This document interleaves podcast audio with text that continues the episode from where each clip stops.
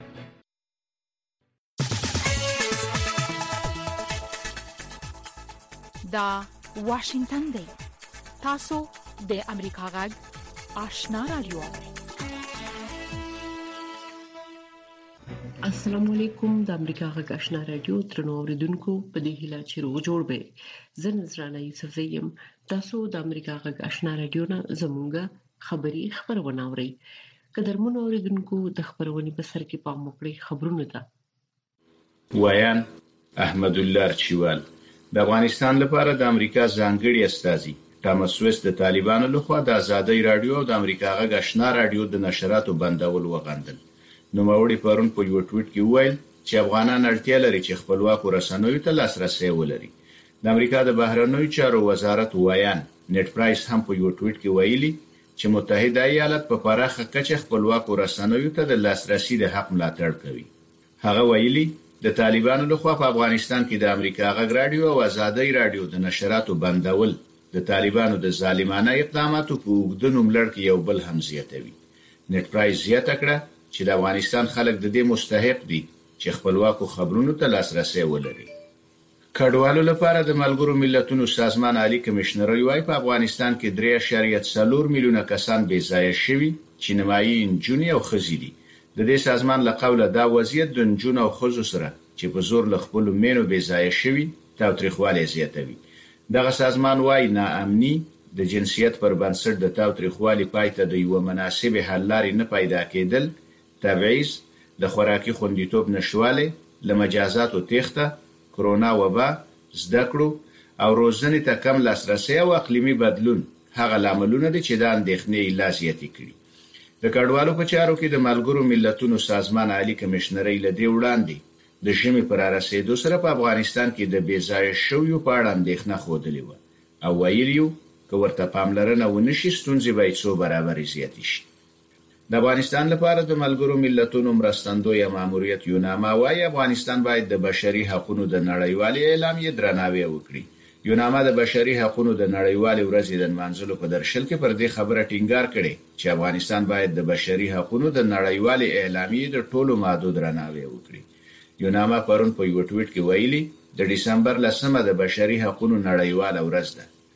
د یوناما په وینا، افغانستان هم د بشري حقونو دغه نړیواله اعلام یه لاسلیک کړې او هرې مادې ته یې باید درناوی وکړي. د افغانستان د بشري حقونو لپاره د ملګرو ملتونو ځانګړي راپور ورکوونکي ریچارډ بینت د هغو راپورونو په اړه چې وايي طالبانو په دایکونډي ولایت کې د دوو هزاره کورنیو یو شمېر غړي وژلي د بېړنۍ، بې پرې او رڼو څېړنو غوښتنه کړې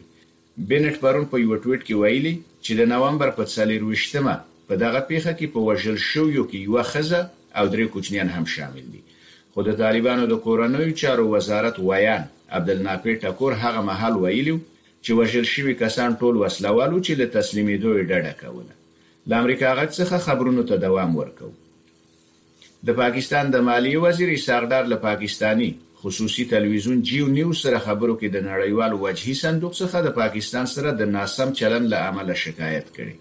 ویلي دي چې دوو اونیو کې به له یوه دوست هیواده درې میلیونه ډالر ترلاسه کړي.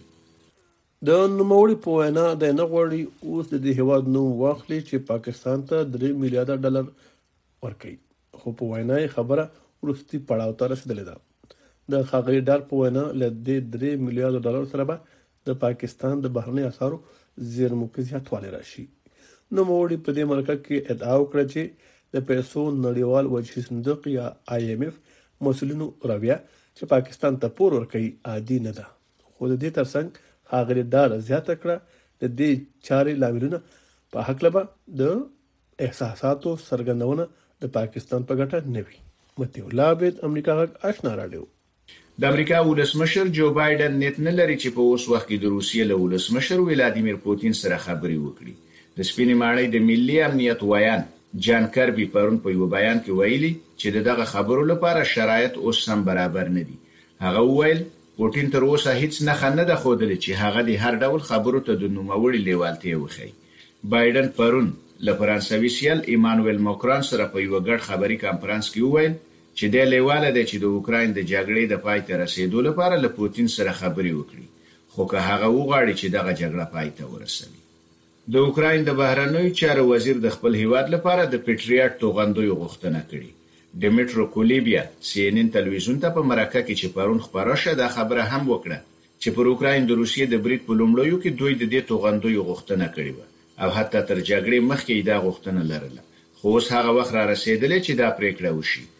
دمیترو کولیبیا وویل چې ده په دې تړاو له خپلو امریکایي او جرمني سیالانو سره خبرې کړي چې د اوکراین سره به دا لویه مرسته وي چې دا توغندي ور وسپارل شي. د نړۍ اوه ستر صنعتي هېوادونه جي اووه او اسټرالیا د اروپايي ټولنې له دې پرېکړې سره یو ځای شول چې د روسیې د تېلو لپاره ځانګړې بیه وټاکي.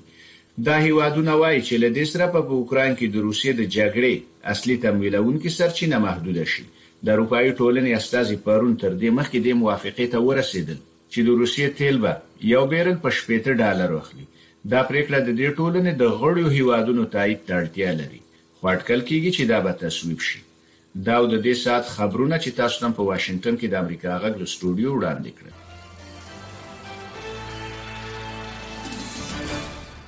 د امریکا غږ آشنا رادیو درنو اوریدونکو تاسو خبرونه واوریدل پام وکړئ زموږه د خبرونې لومړی رپورت ته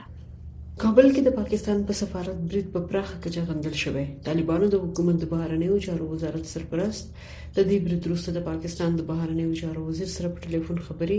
او هغه ته د سفارت د امنیت د خوندیتوب ډاډ ورکړی دی د دې برید څو ساعته مخکې د اسلامي حزب په دفتر هم برید شوی و د چارو ځینې افغان کارپوهان د پاکستان په سفارت د برید هدف د طالبانو او پاکستان ترمنځ د اړیکو خرابول ښایي په موکړې دی رپورت ته چې اکرام شینواری د کابل نه را لګلې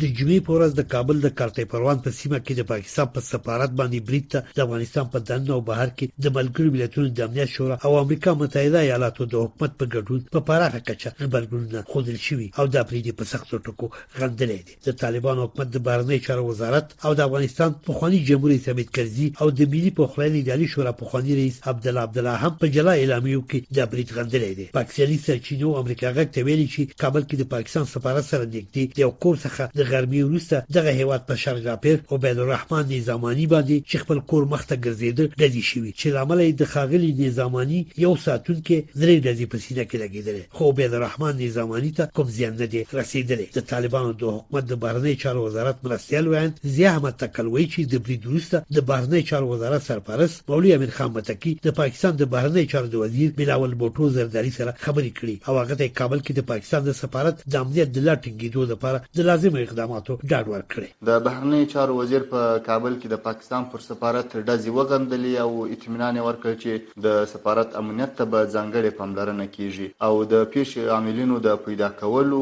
او د قانون منګولو ته په سپارلو کې به پوره کوښښ وکړي. همداراز ښاغلي بلاول بوټو څرګنده کړه چې دغه ډول پېښې د دواړو هېوادونو ترمنځ اړیکې نه شي خرابولای او هېچا ته به اجازه ورنه کړي چې په داسې شومو اعمالو کې کامیابه شي. افغانستان لپاره د پاکستان ځانګړي استازي محمد صادق د خپل ټویټر په پاڼه د پاکستان د شارژ داپر د نظاماني د ساتونکي اسرار محمد میړانه ستایلې او ویلي دي چې اسرار محمد د درملنې لپاره د جمعې په ماښام په یوې ځانګړې الوتکه کې د کابل څخه پیښور ته لیږدول شوی دی د کابل ولایت پولیسو خبریالانو ته په یوه استولې لنډه اعلامیه کې ویلي چې پرون مازیګر مهال د کابل ښار په کارته پروان سیمه کې د پاکستان سفارت په لور د یوې ودانۍ څخه ډزې وشوې امنیتي ځواکونو په عاجله توګه سیمې ته ځانونه ورسول او ژر تر ژره د ډزو د دوام مخه ونیوه چې د تصفیوي عملیاتو په لړ کې له یوې ودانۍ څخه یو تن شکمن کس نیول شوی او دوه میله سپکې وسلې هم ترلاسه شوې دي په دې اعلامیه کې ویل شوي چې امنیتي ځواکونو په دې اړه جدي پلټنې پیل کړي چې پایلې به یې ژر رسنیو سره شریکې شي د سیاسي او امنیتي چارو یو افغان کارپو اسدالله ندیم کابل کې د پاکستان په سفارت د ډزو هدف د پاکستان او طالبانو د حکومت ترمنځ د اړیکو خرابول ښیي او وایي چې دا برید یو سنجول شوی برید و یې حمله د سفارت پاکستان ښاغلي ندیم وویل کابل کې د پاکستان په سفارت باندې دا برید به هم طالبانو ته او هم پاکستان ته پایلې ولري که چیرې دواړه خواوې په خپلو دریځونو کې لږ له سختۍ کار واخلي دا کولای شي دواړو خواو په اړیکو اغیز ولري د سیاسي چارو یو بل کارپوه سخي بیراملي وایي چې سفارتونه او بهرنۍ نمایندګۍ تل د حکومتونو د مخالفو ډلو د ګواښ لاندې ځایونو په توګه پیژندل کیږي پاکستان په سفارت باندې دغسې یو برید احتمال له وړاندې موجود او په اړه یې اندېښنې هم وي و دیگر کشورها هم این بسیار یک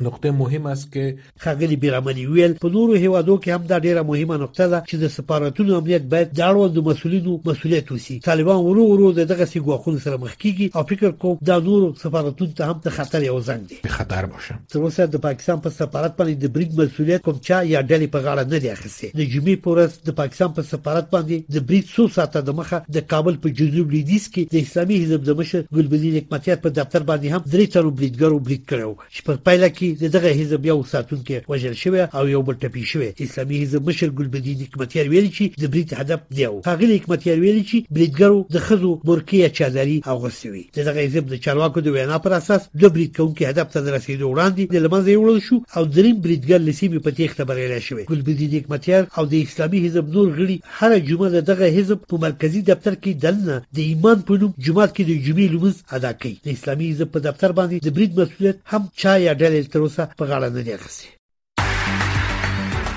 طالبانو د افغانستان له دننه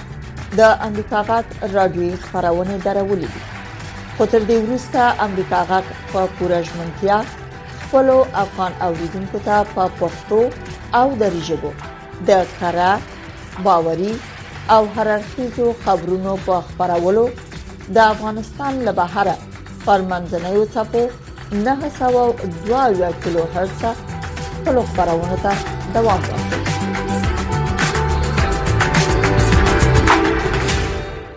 د سپینې ماڼۍ د ملي امنیت د شورا ویاند جان کربي د طالبانو لخوا د امریکا غږ رادیو د خبرونو لبندولو وروسته ویلي چې دا اقدام د امریکا د سترو اهدافو سره په ټکر کې دي چې د مطبوعاتو ازادي هم پکې شامل ده. په افغانستان کې د امریکا غږ رادیو او ازادي رادیو پر خبرونو د طالبان لخوا د بندیز لګولو په خبرګون کې د سپین ماڼۍ د ملي امنیت د شورا ویاند جان کوربي امریکا غږ سره په مرکه کې ویلي دا کار د مطبوعاتو له ازادۍ څخه سرغړونه ده او متحد ایالات باید د نړۍ په ګوټ ګوټ کې د مطبوعاتو له ازادۍ او د اتباعو له حقونو څخه دفاع ته به دوام ورکړي ترڅو هغوی رسنیو او خبرونو ته لاسرسی ولري This is a, a group that says they, they, they want legitimacy. دا هغه ډله ده چې وایي دوی د متحده ایالاتو په ګډون د نړۍ له هیوادونو سره مشروعیت او عادي ډیپلوماټیکې اړیکې غواړي ښه یو له هغو شیانو څخه چې موږ د سوله ایزو مظاهرو سربېره دفاع کوو د مطبوعاتو ازادي او اطلاعاتو او خبرونو ته د خلکو ثابت او د باور وړ لاسرسی دی. ښاغلی کربي وايي، د طالبانو کړنې د دوی له څرګندونو سره مخالفې دي او موږ وینو چې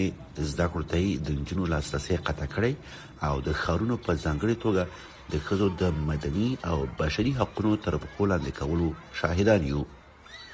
بلخوا د امریکا د بهرنیو چارو وزارت هم په افغانستان کې د طالبانو لخوا د امریکا غږ رادیو پر خبرونو بندیز غندلې دی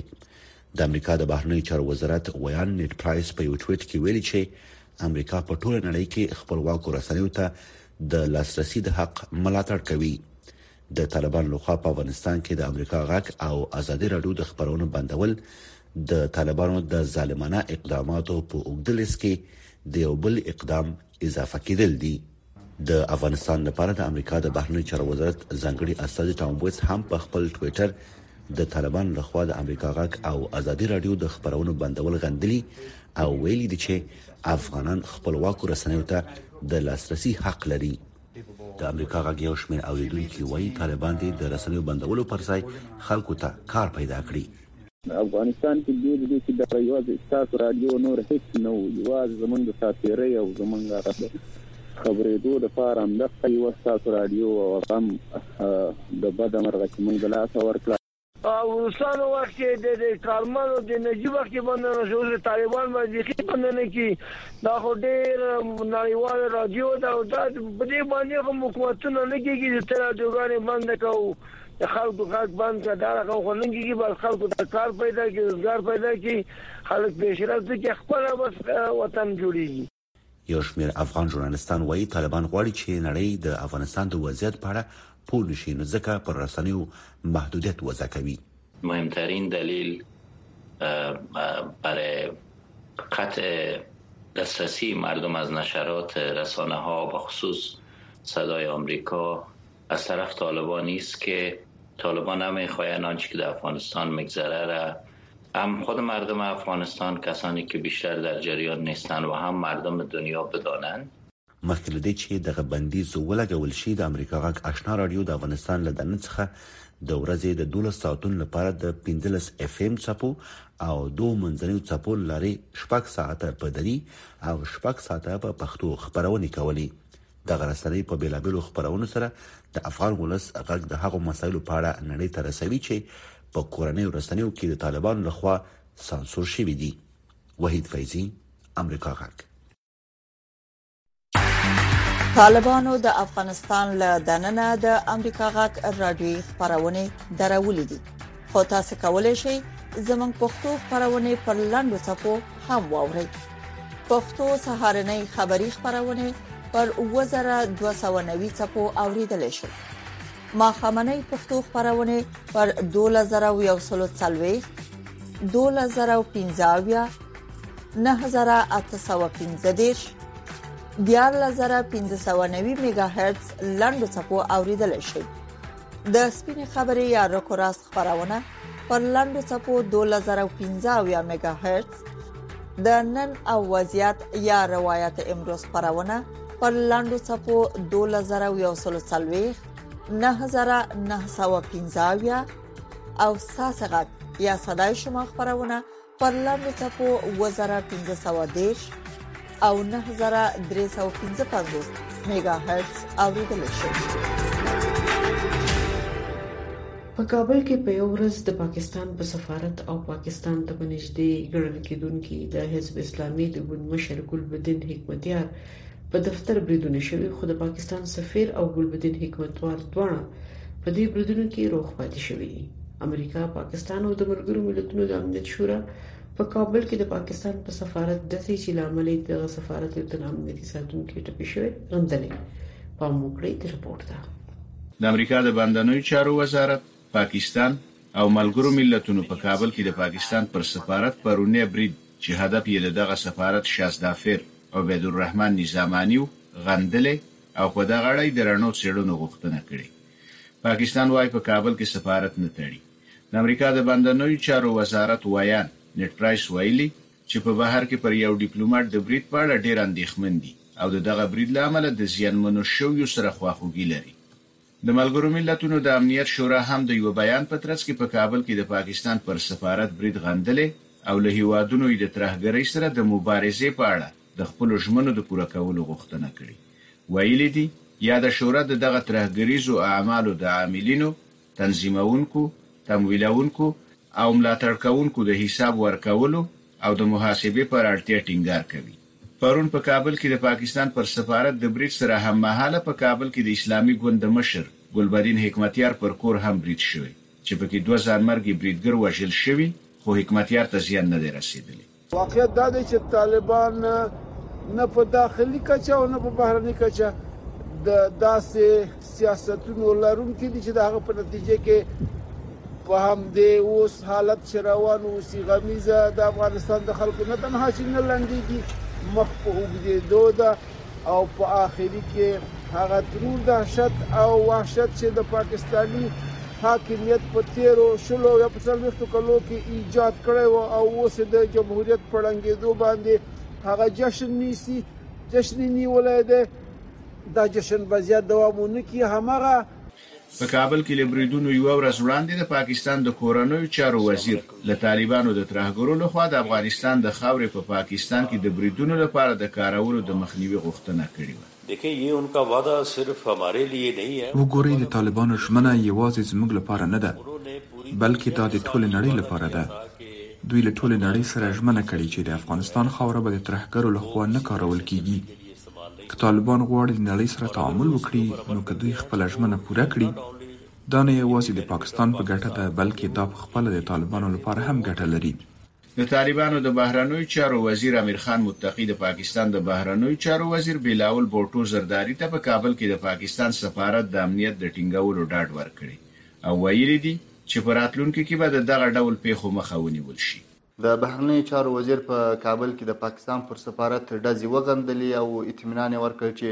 د سفارت امنیت ته به ځانګړې پاملرنه کیږي او د پیښې عاملینو د پیدا کولو او د قانون منګولو ته په سپارلو کې به پوره کوشش وکړي همدارس ښاغلي بلاول بوټو څرګنده کړه چې دغه ډول پیښې د دواړو هیوادونو ترمنځ اړیکې نشي خرابولای او هیڅ چاته به اجازه ورنکړي چې په داسې شومو اعمالو کې کامیاب شي تر اوسه چا د پاکستان پر سفارت او د اسلامي ګوند د مشر پر کور د بریدونو کولو مسوولیت نه دی منلی، خو په کابل کې د طالبانو له واک ته رسېدو وروسته دا په یو ډیپلوماټیک مرکز او پر یو وتلي سیاستوال لومړي بریدونه دي. احمدالله ارچیوال، اشنا تلویزیون، واشنګټن.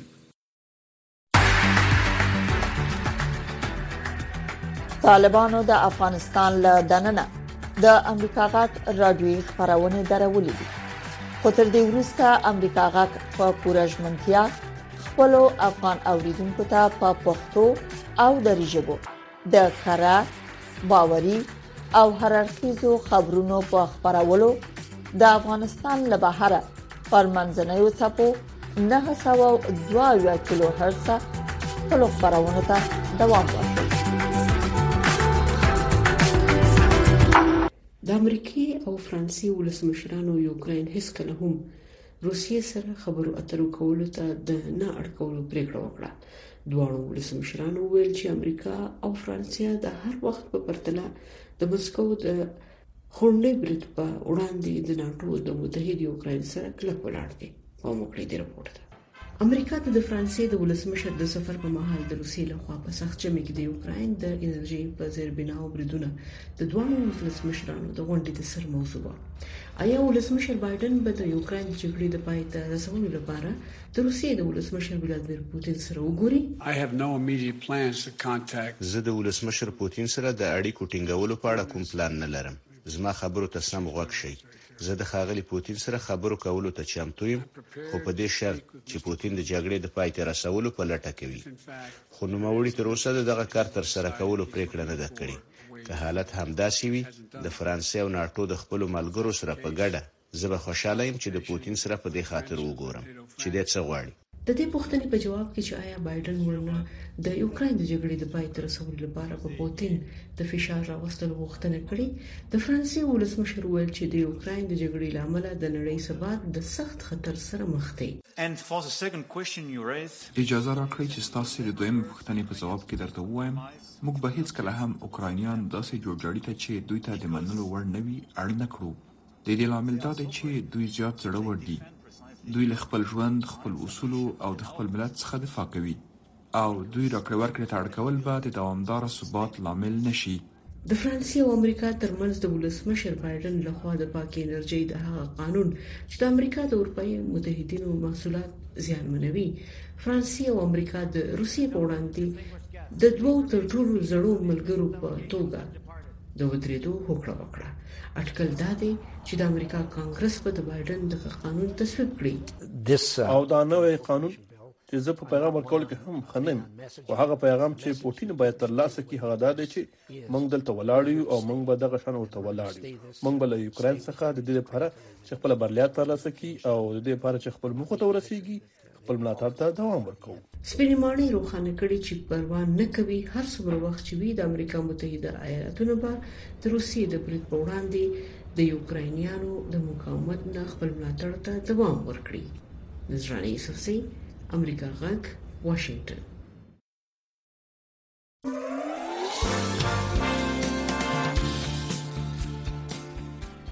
سپینې خبرې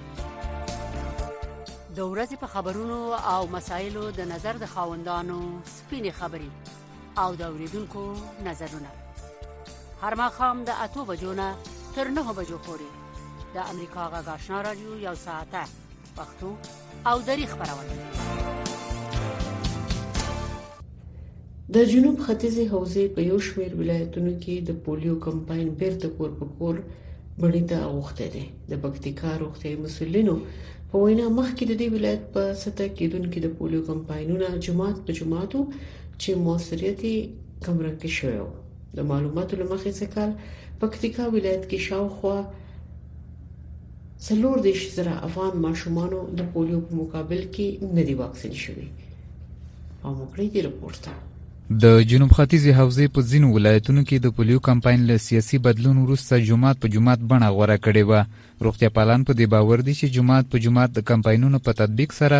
د هغو ماشومانو ګراف لوړ شوی و چې له واکسین به محروم پاتې کېدل خو اوس پکتیکا کې بیرته کور په کور د ګوزڼ واکسین تطبیقیږي د پکتیکا د عامې روغتیا رئیس ډاکټر حکمت الله عصمت امریکا غږ ته وویل، کومې سیمې چې پخوا لاسرسی نه ورته کېده، اوس په اسانۍ لاسرسی ورته کېږي او همدا رقم ته اوس کمپاینونه کور په کور شوي دي او په تېرو وختو کې همدا کمپاینونه جومات په جومات وو، نو اوس په اسانۍ سره هر کورنۍ ته رسیدګي کېدلی شي. د نوموړي په وینا، د همدې کمپاینونو د جریان پر مهال له څلور دېرش زرو زیات ماشومان له واکسین محروم پاتې شوي دي. زه باید ووایم چې سږ کال د پکتیکا په ولایت کې جمله دوه لکه شپږ پنځوس زره او یو سلو شپږ اویا ماشومان واکسین شوي او څلور دېرش زره او یو سلو نولس ماشومان د واکسین نه محروم پاتې شوي دي. د عامو وګړو باور هم د کور په کور کمپاین په اړه مثبت دی. د عبدالرحمن او حکیم په نومونو دوو تنو اشنا راډیو ته وویل چې د ورځنیو چارو پر مهال له کوره د باندې وي، نو یو شمېر نورو کورنیو کې د سرپرست نشتوالی هم د ماشومانو د محروم پاتې کېدو لامل ګرځي. کله چې د پولیو واکسین جومات په جومات تطبیقېږي، نو دغه ډېرې ستونزې رامخته کوي. موږ او تاسې یوه کلتوري ټولنه ده، دلته که بیا کورنیو کې مشران ونه لرو هغوی نشي کولی بیا هغه ماشومان چې په کور کې دي مېرمنې نشي کولی چې هغه جمعه ته ولېږي یا څوک ورسره ولاړ شي نو ښه به دا وي چې دغه د واکسینو کمپاین چې کوم دی دا کور په کور تطبیق شي دغه اغېز به ښه وي. دا رقم کورونه شته چې بیخي نارینه سرپرست نه لري نو کله کله ماشومون د واکسین نه پاتې کېږي کور په کور کمپاین خو ډېره ښه عکسه دو ځکه هر چا ته واکسین رسېږي میږ ورسره همکار یو ځکه دا ډېره ښه خبره دو. د سویل ختیځو سیمو په شمول د هیواد لویدیځې حوزې ځینو ولایتونو کې هم د پولیو کمپاین بهیر جمعات په جمعات وو خو د ځایي مسولینو د معلوماتو پر بنسټ موثریت یې د کور په کور کمپاین په نسبت کمرنګی بلل شوی منیر بهار امریکا غږ اشنا راډیو خوست د واشنگټن څخه د امریکا جغ آشنا رادیو اوري د افغانستان په خوست کې د هغه سندرغاړي کیسه تاسو ته دروړاندې کوو چې د کار روزګار د نشټون لامل په کور ناشته دلاور غمزپلی په خپل سیمه کې ډیر مشهور دی وای د طالبانو پر اتک سره د ټولو سندرغاړو ژوند د کړهونو سره مخ شوی دی زموږ خبريال زبي الله غازي په دې اړه باندې رپورت جوړ کړی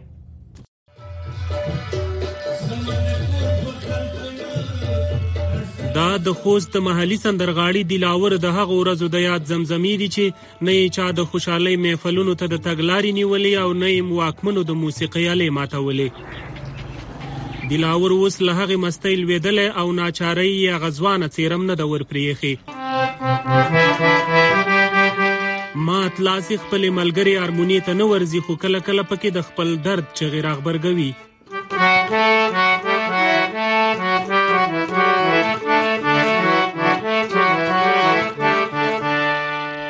وایي ګڼ ملګري له وطنه وتلي او چې شته هم نو خاموشه دي زموږ نه خو اوس یو استاد خوږلی استاد چې دی د مریض دی پروت دی هغه هم ډېر غریب بیچاره دی دنه استادان ملګري اوس کورما کې دي شرخمان استاد میرخمان تبله والا شرخمان کې بوټ والا هغه هم نشته داسې نور استادانو محمود استاد ربابي د هغه هم بیچاره دلته دی سرګردان ونه ګرځي نو د رسل ځای نشته کوټه نشته دا څه چې موږ د استادانو په برکت لري دا امر نه هریږي ځکه چې هدلته هوته یو ارش طالبان حکومت راغلی دی امارت راغلی دی دا شیان بندي